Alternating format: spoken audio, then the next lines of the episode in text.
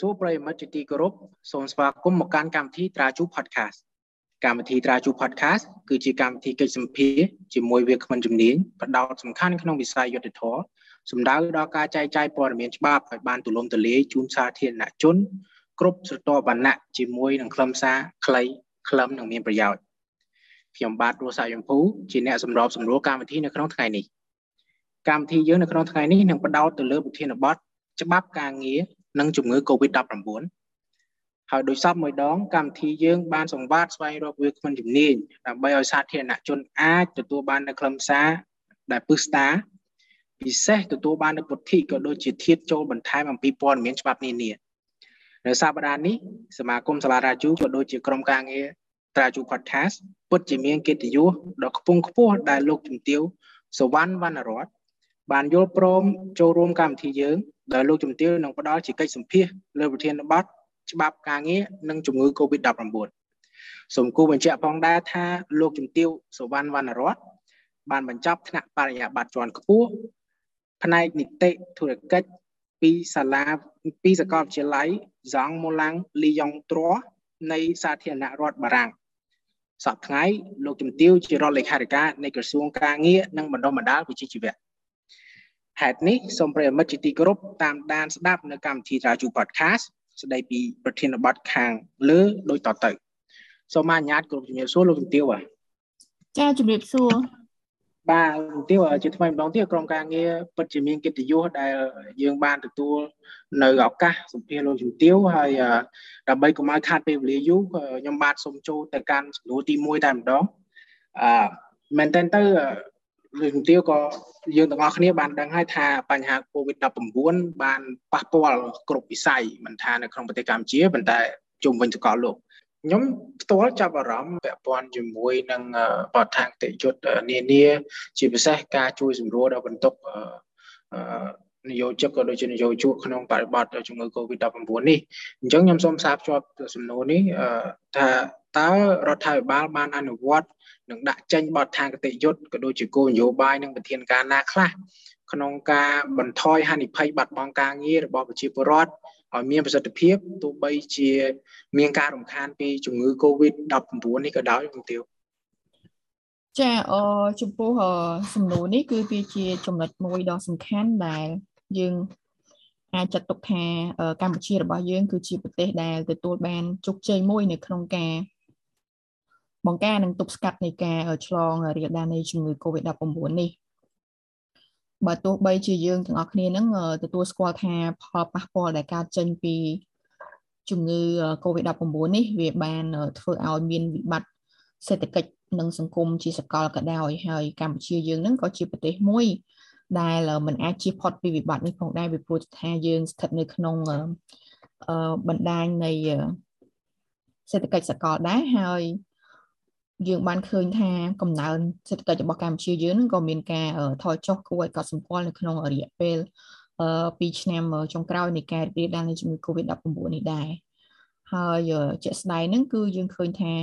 ការបាត់បង់ការងារក៏ជាផ្នែកមួយដែលគួរឲ្យកត់សម្គាល់ជាពិសេសនៅក្នុងវិស័យទេសចរពីព្រោះថាបើយើងប្រៀបធៀបនៅក្នុង វិស័យរបស់ជាតិយើងទាំងអស់ហ្នឹងគឺវិស័យទេសចរអាចថាជាវិស័យទី1ដែលទទួលរងផលប៉ះពាល់ខ្លាំងជាងគេនៅក្នុងវិបត្តិជំងឺ Covid-19 នេះប៉ុន្តែទោះជាយ៉ាងនេះក្តីក្រោមការដឹកនាំដ៏ឆ្លៀសវៃប្រកបដោយគតិបណ្ឌិតរបស់ប្រមុខរដ្ឋាភិបាលកម្ពុជាយើងគឺសម្ដេចអគ្គមហាសេនាបតីតេជោហ៊ុនសែននាយករដ្ឋមន្ត្រីនៃប្រជាជនកម្ពុជា គឺផលប៉ះពាល់លើបញ្ហាសេដ្ឋកិច្ចនិងសង្គមរបស់កម្ពុជាយើងគឺត្រូវបានដោះស្រាយយ៉ាងមានប្រសិទ្ធភាពហើយគឺតាមរយៈការដាក់ចេញជាបន្តបន្ទាប់នៅវិធានការនៅក្នុងការប្រយុទ្ធប្រឆាំងក៏ដូចជាការគ្រប់គ្រងស្ថានភាពជំងឺ Covid-19 ដែលជួយសង្គ្រោះអាយុជីវិតប្រជាពលរដ្ឋរួមមានទាំងវិធានការសុខាភិបាលវិធានការរដ្ឋបាល និងវិធានការចាំបាច់ដទៃផ្សេងទៀតផងដែរដែលយើងស្គាល់ជាទូទៅថារាជរដ្ឋាភិបាលបាន ដាក់ចេញនៅកញ្ចប់វិធានការចំនួន10ជុំរួចមកហើយហើយបន្ថែមពីលើនោះគឺយើងមានទាំងការស្វះស្វែងរោគនៅប្រភពវ៉ាក់សាំងបង្ការជំងឺ Covid-19 ជាយុទ្ធដែលវាជាយុទ្ធសាស្ត្រដ៏សំខាន់របស់រាជរដ្ឋាភិបាលកម្ពុជាយើង ដោយលោកបានស្វះស្វែងរកទិញនៅវ៉ាក់សាំងពីបណ្ដាប្រភពនានាក៏ដូចជាការទទួលបាននៅចំនួនផ្សេងផ្សេងពីបណ្ដាប្រទេសជាមិត្ត យកមកចាក់ជូនប្រជាពលរដ្ឋរួមទាំងកម្មករយុជិតដែលឥតគិតថ្លៃតាមយើងហៅថាអភិក្រមផ្ការិចដើម្បីបង្កើតភាពសំសហគមន៍ហើយទាំងអស់នេះគឺយើងបានឈានទៅបន្តជំរុញលំនឹងអាជីវកម្មនិងធុរកិច្ចអឺទូទៅនៅក្នុងប្រជាជនកម្ពុជាយើងឡើងវិញរហូតដល់យើងអាចគ្រប់គ្រងស្ថានភាពនៃការឆ្លងនេះបានកាន់តែល្អប្រសើរហើយ នៅចុងឆ្នាំ2021យើងបានចាប់ផ្ដើមបើកឡើងវិញជាបណ្ដាបណ្ដានៅសេដ្ឋកិច្ចរបស់កម្ពុជាយើងហើយជាក់ស្ដែងចំណុចជាយុទ្ធសាស្ត្រនៅក្នុងការកាត់បន្ថយហានិភ័យនៃការបាត់បង់ការងារនោះគឺត្រូវបានកំណត់នៅក្នុងកញ្ចប់វិធានការទាំង10ជុំរបស់រាជរដ្ឋាភិបាលដែលបានដាក់ចេញបើតាមខ្ញុំចាំគឺចាប់តាំងពីថ្ងៃទី24ខែកុម្ភៈឆ្នាំ2020 រហូតមកដល់ថ្ងៃទី28ខែតុលាឆ្នាំ2021ដោយដែលបានផ្ដោតជាសំខាន់ទៅលើការជួយដល់វិស័យឯកជននិងកម្មករយុជិតខ្ញុំសូមលើកខ្លីៗតាក់ទងទៅនឹងចំណុចមួយតាក់ទងទៅនឹងវិស័យអឺទេសចរដែលនៅក្នុងនោះគឺរាជរដ្ឋាភិបាលលោកបានដាក់ចេញនៅ កញ្ចប់ថវិកាជាការឧបត្ថម្ភចំនួន40ដុល្លារអាមេរិកនៅក្នុងមួយខែសម្រាប់កម្មករយោជិតម្នាក់ដែលបានជួបកិច្ចសន្យាការងារត្រឹមត្រូវហើយចំណែកនៅក្នុងវិស័យវាយនភ័ណ្ឌកាត់ដេរស្បែកជើងផលិតផលធ្វើដំណើរនិងកាបូបហ្នឹងគឺរាជរដ្ឋាភិបាលបានផ្ដល់ប្រាក់ឧបត្ថម្ភចំនួន40ដុល្លារអាមេរិកនៅក្នុងមួយខែសម្រាប់កម្មករយោជិតម្នាក់ដូចគ្នា នៅពេលដែលពួកគាត់បានព្យួរកិច្ចសន្យាការងារត្រឹមត្រូវអឺមកអធិការការងារតាមរយៈក្រសួងការងារហ្នឹងហើយអឺបន្ថែមពីលើនេះគឺនយោជកយើងហៅថាម្ចាស់រោងចក្រសហគ្រាសនៅក្នុងវិស័យវិនិយោគភ័ណ្ឌកាត់ដេរអឺផលិតស្បែកជើងក៏ដូចជាផលិតផលធ្វើដំណើរនិងកាបូបហ្នឹងគឺគាត់មានកាតព្វកិច្ចនៅក្នុងការផ្ដល់ជូនបន្ថែមទៅដល់កម្មករយោជិតរបស់គាត់ហ្នឹងនៅប្រាក់30ដុល្លារក្នុងមួយខែសម្រាប់កម្មករយោជិតម្នាក់ទៀតអញ្ចឹងមានថាបើនៅក្នុងវិស័យទេសចរគឺលោកទទួលបាន40ដុល្លារហើយនៅក្នុងវិស័យវិញ្ញាភ័ណ្ឌកាត់ដេរព្រឹទ្ធស្បែកជើងអីហ្នឹងគឺគាត់ទទួលបាន70ដុល្លារការឧបត្ថម្ភនេះគឺត្រូវបានផ្ដល់ជូនតាំងពីជុំទី1រហូតមកដល់ដំណាច់ឆ្នាំ2021នេះហើយបន្ថែមពីលើនឹងទៀតចំពោះវិស័យទេសចរហ្នឹងគឺរាជរដ្ឋាភិបាលបានលើកលែងការបង់ពន្ធប្រចាំខែ គ្រប់ប្រភេទចំពោះសន្តានៈភោជនីយដ្ឋានក៏ដូចជាក្រុមហ៊ុនភ្នាក់ងារទេសចរដែលបានចុះបញ្ជីជាមួយអគ្គនាយកដ្ឋានពន្ធដារនិងដែលមានសកម្មភាពអាជីវកម្មនឹងនៅក្នុងបណ្ដាខេត្តមួយចំនួនដែលរួមមានរាជធានីភ្នំពេញរបស់យើង និងខេត្តជាខេត្តសៀមរាបនិងខេត្តព្រះសីហនុខេត្តកែបខេត្តកំពតក្រុងបាវិតនិងក្រុងប៉ោយប៉ែតដែល ជាសុទ្ធតែជាតំបន់ដែលមានទេសចរច្រើនហើយការលើកលែងពន្ធនេះបើតាមលិខិតរបស់អគ្គនាយកដ្ឋានពន្ធដារចុះថ្ងៃទី1ខែកុម្ភៈឆ្នាំ2022នោះគឺការលើកលែងពន្ធនេះអាចនឹងបន្តទៅដល់រហូតទៅដល់ខែមិថុនាឆ្នាំ2022ផងដែរហើយចំណែកឯចំណុចមួយទៀតចំពោះវិស័យទាំងពីរខាងលើនេះគឺ នឹងទទួលបានការលើកលែងការលើកលែងការបងភិកទានយើងហៅថាភិកទានរបបសន្តិសុខសង្គមផ្នែកហានិភ័យការងារនិងផ្នែកថែទាំសុខភាពនៃបេឡាសន្តិសុខសង្គមនឹងក្នុងអំឡុងពេលដែលរោងចក្រសហគ្រាសនៅក្នុងវិស័យទាំងពីរនេះគាត់ព្យួរអាជីវកម្មក៏ដូចជាផ្អាកដំណើរការអាជីវកម្មហើយអ្វីដែលសំខាន់មួយទៀតដែលធានាដល់ការដំណើរការអាជីវកម្មនិងមិនឲ្យមានការបាត់បង់ការងារធ្វើនោះគឺតកតងទៅនឹងវិស័យអាកាសចរ ដែលយើងដឹងហើយថាបន្ទាប់ពីមានជំងឺ Covid-19 ទៅគឺជើងហោះហើរនៅក្នុងប្រទេសកម្ពុជាយើងត្រូវបានកាត់បន្ថយជាច្រើនហើយក្រុមហ៊ុនអាកាសចរហ្នឹងក៏មានផលប៉ះពាល់ច្រើនផងដែរដែលនៅក្នុងនោះដើម្បីជួយទៅដល់វិស័យមួយនេះ គឺរាជរដ្ឋាភិបាលបានលើកលែងនៅការបងពុនអបបរមាជូនទៅដល់ក្រុមហ៊ុនអាកាសចរទាំងអស់ដែលបានចុះបញ្ជីនៅកម្ពុជាហើយដូចគ្នាដែរការបងពុននេះគឺនឹង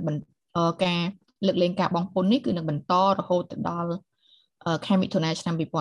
2022ហើយបន្ថែមពីលើនេះក៏យើងផ្ដល់ការអនុគ្រោះចំពោះការបង់ប្រាក់ជំពាក់លើកម្រៃអាកាសចរស៊ីវិលផងដែរចឹងហើយចង់បញ្ជាក់ឡើងវិញផងដែរថាទាំងអស់នេះសុទ្ធតែជាវិធានការមួយដែលរដ្ឋាភិបាលបានដាក់ចេញជាយុទ្ធសាស្ត្រកលឹះនៅក្នុងការរក្សានៅស្ថិរភាពអាជីវកម្មពីព្រោះថា នៅពេលដែលយើងអាចរក្សាបាននៅស្ថានភាពអាជីវស្ថិរភាពអាជីវកម្មរបស់រោងចក្រសហគ្រាសនៅក្នុងប្រទេសរបស់យើងគឺមានន័យថាយើងអាចរក្សាបាននៅការងារជូនកម្មករនិយោជិតរបស់យើងទាំងអស់ហ្នឹងបើទោះបីជាប្រាក់ចំណូលរបស់ពួកគាត់ត្រូវបានកាត់បន្ថយខ្លះខ្លះក៏ដោយអញ្ចឹងយើងឃើញថាអឺវាជាយុទ្ធសាស្ត្រមួយដែលអាចជួយសម្រួលដល់ ទាំងផ្នែកវិស័យឯកជនក៏ដូចជាបងប្អូនប្រជាពលរដ្ឋរបស់យើងឲ្យគាត់អាចរក្សាបាននៅប្រាក់ចំណូលបើទោះបីជាមានការកាត់បន្ថយក៏ដោយក៏ប៉ុន្តែគាត់នៅតែមានប្រភពនៅក្នុងការរកប្រាក់ចំណូលដើម្បីទ្រទ្រង់ជីវភាពរស់នៅប្រចាំថ្ងៃរបស់ពួកគាត់អឺនឹងចូលរួមជាមួយរាជរដ្ឋាភិបាលដើម្បីបន្តស្ដារសេដ្ឋកិច្ចរបស់យើងក្នុងនិងក្រោយវិបត្តិជំងឺ Covid-19 នេះចា៎បាទអរគុណលោកជំទាវដែលបាន រៀបរាប់អំពីបទឋានគតិយុត្តដែលបានដាក់ចេញរួចមកហើយផ្សារភ្ជាប់ជាមួយនឹងដែរហើយខ្ញុំសូមអនុញ្ញាតសួរលោកជំទាវថាបន្តទៀតថាតើរដ្ឋាភិបាលនឹងបន្តអនុវត្តហើយក៏ដាក់ចេញនឹងដាក់ចេញបទឋានគតិយុត្តគោលនយោបាយធានការណាខ្លះទៀតដើម្បីគ្រប់គ្រងដល់ការងើបឡើងវិញនៃសេដ្ឋកិច្ចបន្ទាប់ពីការបើកឡើងវិញនៅ គ្រប់វិស័យកម្ពុជាជាពិសេសក្នុងវិស័យការងារដែលលោកជំទាវបានមានប្រសាសន៍មុននេះ ចាអឺយើងឃើញថាអ្វីដែលយើងបានធ្វើគឺវាជាបទពិសោធន៍ដ៏ជោគជ័យហើយរាជរដ្ឋាភិបាលក៏នៅតែបន្តអនុវត្តនៅគោលនយោបាយក៏ដូចជាផែនការនិងលិខិតបទដ្ឋានគតិយុត្តដែលយើងបានដាក់ចេញអឺ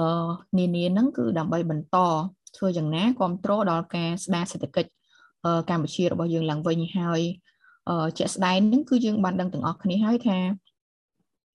អឺរាជរដ្ឋាភិបាលថ្មីថ្មីហ្នឹងក៏បានដាក់ចេញនៅយុទ្ធសាស្ត្រស្ដីពីការរស់នៅតាមគន្លងប្រកបភាពថ្មីក្នុងបរិបទនៃជំងឺ Covid-19 ដែលនេះវាគឺជាយុទ្ធសាស្ត្រជាតិសម្រាប់យើងទាំងអស់គ្នានៅក្នុងការរៀនរស់ជាមួយនឹងជំងឺ Covid-19 ហើយបន្ថែមពីយុទ្ធសាស្ត្រស្ដីពីការរស់នៅតាមគន្លងប្រកបភាពថ្មីក្នុងបរិបទនៃជំងឺ Covid-19 នេះទៀតសោតគឺឯកសារគោលនយោបាយដ៏សំខាន់នោះគឺក្របខ័ណ្ឌយុទ្ធសាស្ត្រ និងកម្មវិធីស្ដារនិងជំរុញកំណើនសេដ្ឋកិច្ចកម្ពុជាក្នុងការរស់នៅជាមួយ COVID-19 តាមគន្លងប្រកបភាពថ្មីសម្រាប់ឆ្នាំ2021អឺដល់ឆ្នាំ2023ហើយជាក់ស្ដែងបើយើងពិនិត្យទៅក្នុងឯកសារក្របខ័ណ្ឌយុទ្ធសាស្ត្រនេះយើងឃើញថាវិស័យការងារនិងបណ្ដុះបណ្ដាលវិជ្ជាជីវៈគឺជាវិស័យអាទិភាពមួយដែលនៅក្នុងនោះគឺ រាជរដ្ឋាភិបាលបានកំណត់និងដាក់ចេញនៅយើងហៅថាការងារសម្រាប់អឺក្រសួងពាក់ព័ន្ធហ្នឹងដោយខាងក្រោមខ្ញុំសូមលើកយកចំណុចមួយចំនួនបង្ហាញជូនដែលពាក់ព័ន្ធទៅនឹងវិស័យការងារនិងបណ្ដុះបណ្ដាលវិជ្ជាជីវៈផ្ទាល់តែម្ដងហ្នឹងគឺដើម្បីធានាបាននៅការស្ដារសេដ្ឋកិច្ចក៏ដូចជាជំរុញកំណើនសេដ្ឋកិច្ចនៅក្រៅវិបត្តិជំងឺ Covid-19 ហ្នឹងគឺយើងនឹងមានការងារជាច្រើនដែលត្រូវធ្វើដែលនៅក្នុងនោះជាក់ស្ដែងគឺយើងត្រូវតែបញ្ចប់ ការរៀបចំតាក់តែងនៅយុទ្ធសាស្ត្រអភិវឌ្ឍវិស័យកាត់ដេរផលិតស្បែកជើងនិងកាបូបនៅកម្ពុជាសម្រាប់ឆ្នាំ2021រហូតដល់ឆ្នាំ2025អឺព្រោះថាយើងដឹងទាំងអស់គ្នាហើយថាវិស័យកាត់ដេរផលិតស្បែកជើងនិងកាបូបនៅកម្ពុជានេះត្រូវបានទទួលស្គាល់ថាជាវិស័យមួយដែល អឺត្រួតត្រងនៅការនាំចេញដែលជាកំណើននៃសេដ្ឋកិច្ចនឹងប្រមាណដល់ជាង70%ឯណោះចឹងហើយការកែសម្រួលក៏ដូចជាការដាក់ចេញនៅយុទ្ធសាស្ត្រអភិវឌ្ឍវិស័យនេះសម្រាប់ឆ្នាំ2021ដល់ឆ្នាំ2025គឺវាជាការចាំបាច់ដើម្បីធានាបាននៅកំណើនសេដ្ឋកិច្ចក៏ដូចជាការរក្សាបាននៅការមានការងារធ្វើរបស់បងប្អូនប្រជាពលរដ្ឋកម្ពុជារបស់យើងហើយចំណុចទី2នោះ គឺតកតងទៅនឹងការពង្រឹងទំនាក់ទំនងវិជ្ជាជីវៈអឺរវាងកម្មករយោជិតជាមួយនឹងនយោជកហើយយើងនឹងធ្វើការអប់រំអំពីទំនាក់ទំនងវិជ្ជាជីវៈនេះ នៅ ក្នុងរោងចក្រសក្តិហ្នឹងក៏ដូចជាយើងនឹងបន្តធ្វើការបណ្ដុះបណ្ដាលបន្ថែមអំពីយន្តការដោះស្រាយវិវាទការងារសិល្បៈនៃការចរចាក៏ដូចជាការធ្វើការងារជាក្រុមហ្នឹង ជូនទៅដល់បុគ្គលិកជាន់ខ្ពស់ដែលទទួលខុសត្រូវផ្នែកធនធានមនុស្សសំទោសធនធានមនុស្សនៅក្នុងរោងចក្រសហគ្រាសទាំងអស់ក៏ដូចជាបងប្អូនតំណាងកម្មករយុជាតិនឹងឲ្យគាត់បានយល់អំពីទំនាក់ទំនងវិជ្ជាជីវៈធ្វើយ៉ាងណាធានាបាននៅសុខដុមរមណីយកម្មនៅក្នុងទំនាក់ទំនងវិជ្ជាជីវៈស្របពេលដែលរោងចក្រសហគ្រាសគាត់ជួបវិបត្តិនេះគឺជាចំណុចទី2ដែលជាជាការងារដ៏សំខាន់ដែលក្រសួងការងារត្រូវបាន កំណត់នៅក្នុងយុទ្ធសាស្ត្រក្នុងការស្ដារសេដ្ឋកិច្ចរបស់កម្ពុជាយើងបន្ទាប់ពីកូវិបត្តិ COVID-19 នេះហើយចំណុចមួយទៀតនោះគឺតកតងទៅនឹងការបង្កើតឲ្យមានជាវគ្គបណ្ដុះបណ្ដាលវិជ្ជាជីវៈដែលវាត្រូវតែសមស្របសម្រាប់យុវជនមកពីគ្រួសារក្រីក្រ ដើម្បីយើងចូលរួមបង្កើតលទ្ធភាពដល់ពួកគាត់នៅក្នុងការ ចាប់បាននៅជំនាញក៏ដូចជាមុខរបរបន្ថែមតាមរយៈការផ្ដល់អាហារូបករណ៍និងការសិក្សាមិនបង់ថ្លៃជាដើមដែលយើងនឹងជំរុញឲ្យគាត់ចាប់យកយើងយើងអាចនិយាយជាខ្លីថា TVET មានថាសាលាបដិបដាបច្ចេកទេសវិជ្ជាជីវៈនោះគឺមានថាជំរុញឲ្យគាត់ចាប់យកនៅជំនាញវិជ្ជាជីវៈដើម្បីអាចមានបង្កើតជាមុខរបរផ្ទាល់ខ្លួន និងបង្កើតជាការងារសម្រាប់បុគ្គលទូទៅផងដែរ អឺបន្ថែមពីចំណុចនេះគឺចំណុចទី4ហ្នឹងបើយើងអាចនិយាយជាខ្លីថាយើងនឹងធ្វើការសិក្សាលទ្ធផលនៃការអនុវត្តសាកល្បងក៏ដូចជាពិនិត្យឡើងវិញនៅលទ្ធភាពនៅក្នុងការដាក់ឲ្យដំណើរការនៅកម្មវិធីគាំពៀសង្គមដើម្បីបញ្ចប់ភាពក្រីក្រហ្នឹងគឺតាមរយៈការផ្សារភ្ជាប់នៅការឧបត្ថម្ភជាសាច់ប្រាក់ទៅនឹងការបដិបដាបច្ចេកទេសនិងវិជ្ជាជីវៈនិងសកម្មភាព ដោយដែលខ្ញុំបានលើកឡើងនៅចំណុចទី3មុននេះដែរមានថាយើងជំរុញឲ្យពួកគាត់ហ្នឹងចូលរួមសិក្សានៅក្នុងការអប់រំបណ្ដុះបណ្ដាលបច្ចេកទេសនិងវិជ្ជាជីវៈនិងសហគ្រិនភាពធ្វើយ៉ាងណាជំរុញនឹងការបង្កើតមុខរបរថ្មីឲ្យបានច្រើនសម្រាប់ប្រជាពលរដ្ឋដែលលោកជួបអាចថាលោកបាត់បង់ការងារពីវិបត្តិជំងឺ Covid-19 នេះលោកអាចឈោងចាប់នៅអាជីពថ្មីថ្មីបន្ថែមដើម្បីត្រួតត្រងនៅលំនឹងជីវភាពរបស់ពួកគាត់ ហើយចំណែកចំណុចសំខាន់មួយទៀតតកតងទៅនឹងរបបសន្តិសុខសង្គមនោះគឺយើងនឹងដាក់ឲ្យដំណើរការរបបសន្តិសុខសង្គមផ្នែកសធនសម្រាប់ជនទាំងឡាយណាដែលស្ថិតនៅក្រៅបទបញ្ញត្តិនៃច្បាប់ស្តីពីការងារចំណុចនេះគឺដើម្បីផ្ដល់ការគាំពៀផ្នែកហិរញ្ញវត្ថុនៅពេលចាស់ជរាជូនប្រជាពលរដ្ឋក៏ដូចជាបងប្អូនកម្មករយុជិតយើងនៅក្នុងវិស័យឯកជនឲ្យដូចជាមន្ត្រីសាធារណៈដែលយើងហៅថា មានប្រាក់សោធននិវត្តន៍ហ្នឹងហើយទៀតសោតចំណុចមួយទៀតហ្នឹងគឺតកតងទៅនឹងយើងនឹងពិនិត្យនៅលទ្ធភាពនៅក្នុងការពង្រីកវិសាលភាពជាជំហានជំហាននៅ ការអនុវត្តនៅមូលនិធិសមត្ថសុខាភិបាលក៏ដូចជារបបសន្តិសុខសង្គមផ្នែកថែទាំសុខភាពធ្វើយ៉ាងណាពង្រីកការគាំពៀទៅដល់បងប្អូនប្រជាពលរដ្ឋយើងទាំងអស់ជាពិសេស បងប្អូនប្រជាពលរដ្ឋដែលលោកស្ថិតនៅក្បែរនៃបន្ទាត់ភាពក្រីក្រហ្នឹងហើយនឹងបងប្អូនកម្មករយុចិត្តនៅក្នុងវិស័យសេដ្ឋកិច្ចក្រៅប្រព័ន្ធដែរបច្ចុប្បន្នវានៅមានចំនួនច្រើនដែលយើងហៅថាមិនទាន់បានចូលមកក្នុងជាសេដ្ឋកិច្ចក្នុងប្រព័ន្ធដែលអាចទទួលបានការការពារពីប្រព័ន្ធគាំពារសង្គមរបស់យើងនឹងបានគ្រប់គ្នានៅឡើយទេអញ្ចឹងហើយបានជាការពង្រីកវិសាលភាពនៃការអនុវត្តមូលនិធិសមត្ថសុខាភិបាលក៏ដូចជា ការអនុវត្តនៅរបបសន្តិសុខសង្គមផ្នែកថែទាំសុខភាពនេះគឺវាជាចំណុចសំខាន់នៅក្នុងការស្ដារឡើងវិញនៅសេដ្ឋកិច្ចកម្ពុជាទាក់ទងទៅនឹងវិស័យការងាររបស់យើងហើយជាចុងក្រោយនោះគឺយើងត្រឹមចាំបាច់ត្រូវតែចូលរួមធ្វើការរៀបចំនឹងការដាក់ឲ្យអនុវត្តនៅយើងហៅថាកម្មវិធីលើកទឹកចិត្តសម្រាប់ក្រុមហ៊ុនឬមួយក៏រោងចក្រសហគ្រាសហ្នឹង ទាំងសហគ្រាសធុនតូចនិងមធ្យមមីក្រូយើងហៅថា MMSME ហ្នឹងគឺឲ្យពួកគាត់ហ្នឹងចូលរួមនៅក្នុងការចុះបញ្ជី